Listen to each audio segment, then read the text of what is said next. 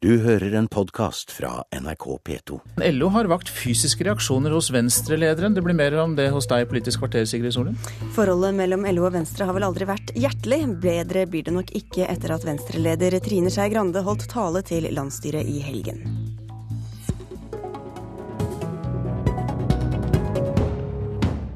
Jeg merker at jeg blir litt kvalm når LO snakker om brutalisering i arbeidslivet, når det er millimeter rettferdigheter blant deres sine medlemmer, men at de faktisk ikke bryr seg om de urettferdighetene med de sosiale nettverkene som sliter unna alle dem som har skapt sin egen arbeidsplass.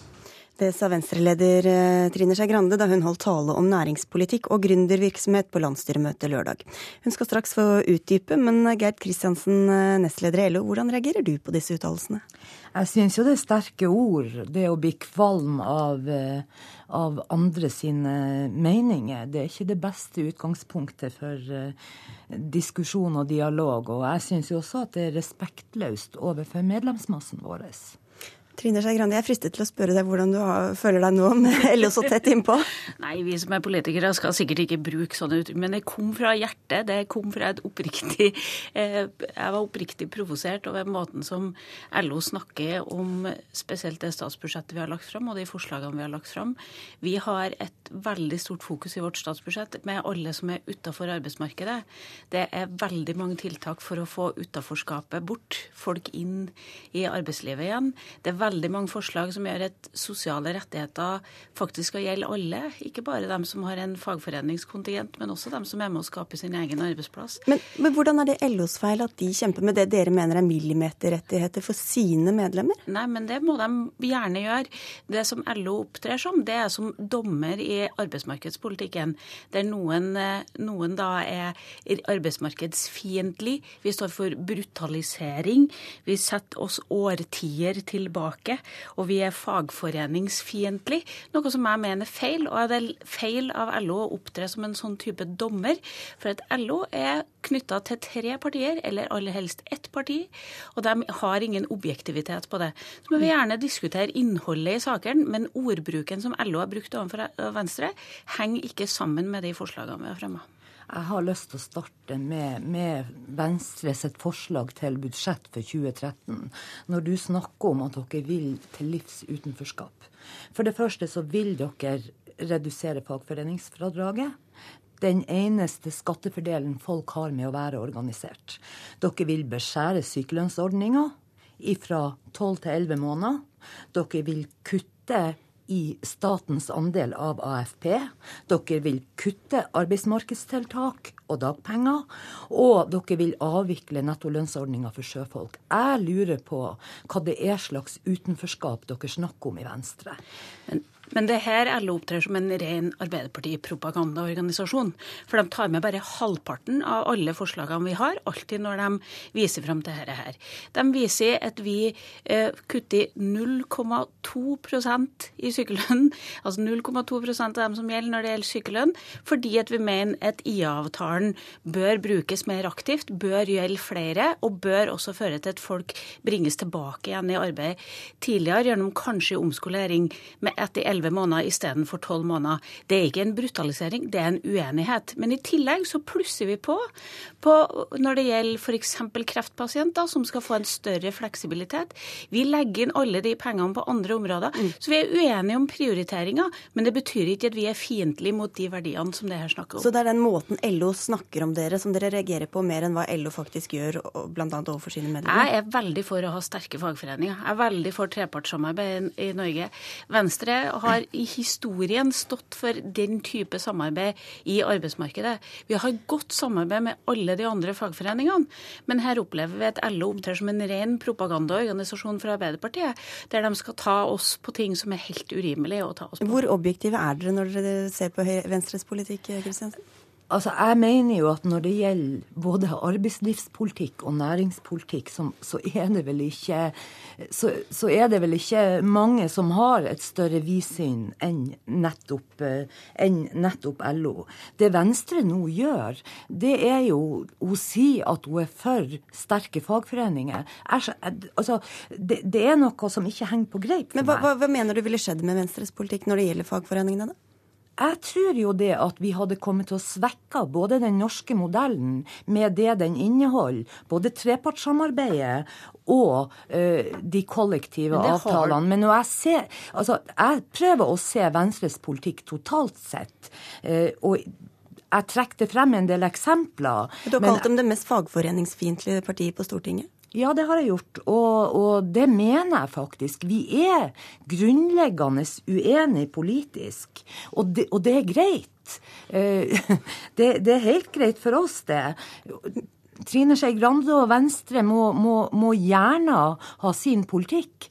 Det har de rett til. Og det er jo akkurat den samme retten arbeidstakere i Norge har når de går til valgurnene og stemmer. Og det, viser jo, det vises jo når, når, vi tar opptelling etter valg. Men Grønne, en, en, av dine bekymringer som lå til grunn for denne uttalelsen, var altså at du mener at de som er selvstendig, eh, selvstendig næringsdrivende, har for dårlige rettigheter. Hvordan hjelper det dem ved å gi dårligere rettigheter til de fagforeningsorganiserte? Nei, ja, Jeg mener ikke at vi gir dårligere rettigheter, men vi tar en del grep for å hindre det som jeg mener er største utfordring i arbeidslivet nå. Det er at noen permanent blir utafor. Det gjelder mange innvandrergrupper, det gjelder folk som har vært uføre og, og, og, eller syke. Og, da er det midlertidig ansettelse bl.a. som du da Ja, det er en av de tiltakene som vi har, har eh, snakka om. Og vi har et veldig stort løft nettopp for det utenforskapet. Og dem glemmer LO, mener du? Ja, jeg, jeg må innrømme at jeg drømmer meg av og til litt bak til Yngve Haagensen, som hadde et litt mer større perspektiv på det han holdt på med. Husk at vi er en del av et Europa som virkelig er i kjempestor omstilling det å hindre utenforskapet i arbeidslivet, det å hindre at folk blir varig satt i uførhet, et, et sykdom fører til at du også blir skubba ut av arbeidsmarkedet, det er ganske viktige tiltak. Så kan vi diskutere og være uenige eller enige om de tiltakene, men her opptrer LO som en sånn nøytral dommer om hva som er rett og galt, når vi vet at de egentlig opptrer på vegne av et parti. Men da må jeg spørre deg også, Kristiansen, Hva slags ansvar har og tar dere utover bare det som er best for deres egne medlemmer? Jeg mener jo at vi tar samfunnsansvar totalt sett. Og det, vi, det tror jeg jo også Trine Skei Grande ser eh, når vi går inn i lønnsoppgjørene, at vi er i stand til å gjøre. Men, men vi er vi er politisk uenige. Og det betyr jo ikke at vi, at vi går inn og, og, og, nødvendigvis støtter et bestemt parti. Det, det, det gjør dere vel ganske tydelig? det kommer jo i kroner og øre.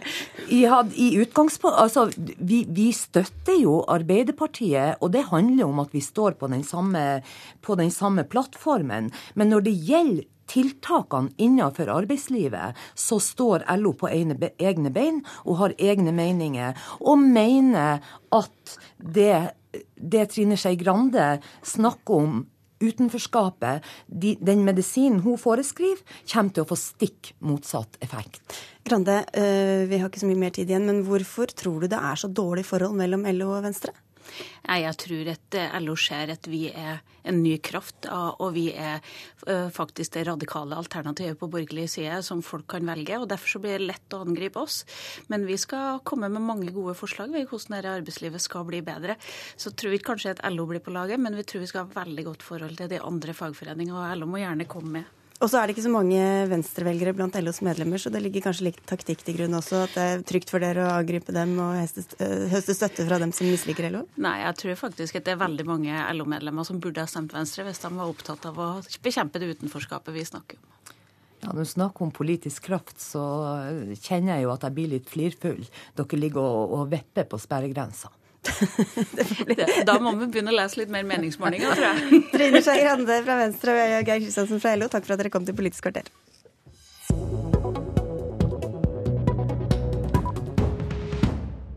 Russland ble overkjørt da de ville torpedere hele Kyoto 2-avtalen under klimatoppmøtet i Doha. Det sier miljøvernminister Bård Vegar Solhjell, som ledet forhandlingene sammen med kollegaen sin fra Brasil. Ettersom avtalen krever enighet fra alle land, så det veldig mørkt ut, fortalte Solhjell da jeg møtte ham rett etter at han landet i Norge i går ettermiddag. Altså, jeg er veldig glad for resultatet, men dramatikken på lørdag, da Russland lenge trua om å blokkere hele avtalen som alle andre land i verden ville ha gjennom, det var spesielt. De har en veldig sterk interesse, fordi de har mange overskuddskvoter til sammen for 250 ganger norske årlige utslipp. Og en sterk interesse i det, og derfor tror jeg de må blokkere alt. De ønsket å få, få fortsette å beholde disse kvotene utover den neste perioden? De ønsker å beholde de kvotene, eller egentlig de store utslippene, da, og kunne fortsette å ha det som de ville med det. Og det som skjedde var en diskusjon. Noen mente at vi må bare gi oss for Russland. Jeg var sterkt uenig i det. At alle andre land skal la seg presse av ett til dårligere miljøpolitikk. Men til slutt så endte det altså med at vi valgte å presse gjennom avtalen, selv om Russland var uenig. Hvordan gjorde dere det? Det som skjedde, var at uh, det ble forankra hos alle de store delegasjonene at man skulle ta den opp til votering, kjøre den gjennom og raskt vedta. Og det ble ropt opp fra ordstyreren. Vi legger opp uh, fram avtalen til beslutning. Er det protester? Nei. Pang, så ble det klubba. Så dere klubbet før de rakk å protestere? Ja, det kan du si. Etterpå fikk de som ville det, ordet. Russland tok ordet og sa det, og det ble protokollert. Men vedtaket er altså gjort med akklamasjon, som det heter, altså med applaus. Conditional on the whole package. No objection. It's so decided. Men følte de seg lurt? Ja, klart at de reagerte på det. Men, man, men jeg vil si at det nærmest er et etisk spørsmål om ett land kan få lov til å stoppe en avtale, en framgang som alle andre vil. Hvilke land vil du si byr på de største problemene når det gjelder å få til internasjonale klimaavtaler? Det er ingen tvil om at det er Kina og USA som utgjør den største nøkkelen. Ingen av dem vil gå videre uten å ha med den andre. Ja, Da får du et spill. Og ingen av dem er villige til å forplikte seg. De vil gjøre en del hjemme, men ikke la seg binde til å gjøre mer ute. Så er det nok òg et land som India, f.eks., som er ganske, ganske tungt internasjonalt. Ofte en sterk bremsekloss i forhandlingene, opplever jeg. Hvordan skal dere få med dere da f.eks. Kina innen de tre årene på forpliktende avtaler som dere har satt som frist? Det er det som er den største utfordringen i internasjonal klimapolitikk i åra som kommer. Én nøkkel er finansiering. Fordi nå har mange land som Kina, Eh, Indonesia, Sør-Afrika, Brasil store utslipp, men ikke på langt nær så god økonomi som rike land. Så rike land må være villige til å bruke langt mer penger mot at de forplikter seg til utslippsreduksjoner i sør. Så tror jeg at det er nødvendig med et voldsomt press fra mennesker, nyheter om klimaendringene og ekstremværet vi ser. Den nye rapporten til FNs klimapanel kom om et års tid.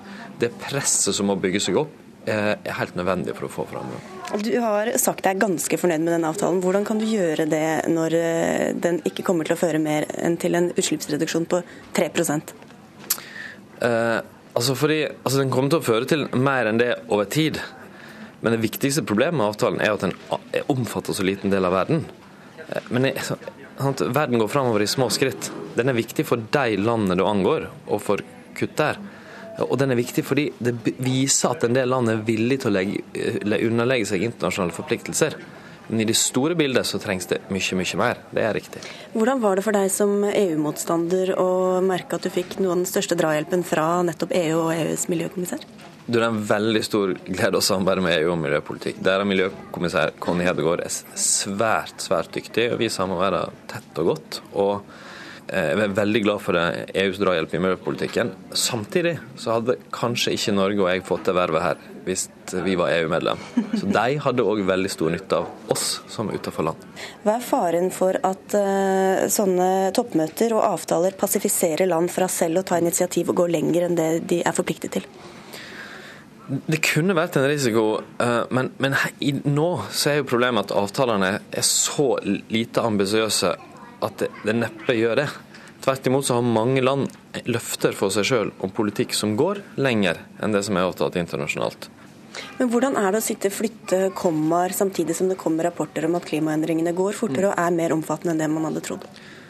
Det, kan, det På en måte er det veldig paradoksalt. Sånn, tyfon på Filippinene, og her sitter vi i endeløse forhandlinger der ett land prøver å blokkere. Men det kan av og til være viktig å huske hvor viktige kommaene er. Det Russland prøvde å blokkere, det dreide seg om 13 milliarder tonn CO2. Så det som kan virke smått i et komma langt vekke, er enorme utslipp i virkeligheten, som vi nå klarte å stoppe. Du jo, har jo ganske kort eh, fartstid som, eh, som, statsråd. Tror du at en med mer erfaring kunne fått til mer? det, det, det, får vi aldri vite, for det var jeg som gjorde den jobben, og ikke en annen. Jeg eh, jeg tror ikke de hadde spurt meg om å gjøre jobben hvis jeg trodde jeg var en håpløs person som ikke kunne få til noe. Men jeg tror mest av alt at Norge ble spurt fordi vi er et land med godt renommé, uavhengig utenfor EU. Men kanskje særlig fordi vi er kjent for å ha svært dyktige forhandlere, tung fagkompetanse og legge mye inn i sånne jobber. Kanskje ikke de hadde fått med seg at Erik Solheim hadde slutta? Kanskje ikke det, hva vet jeg.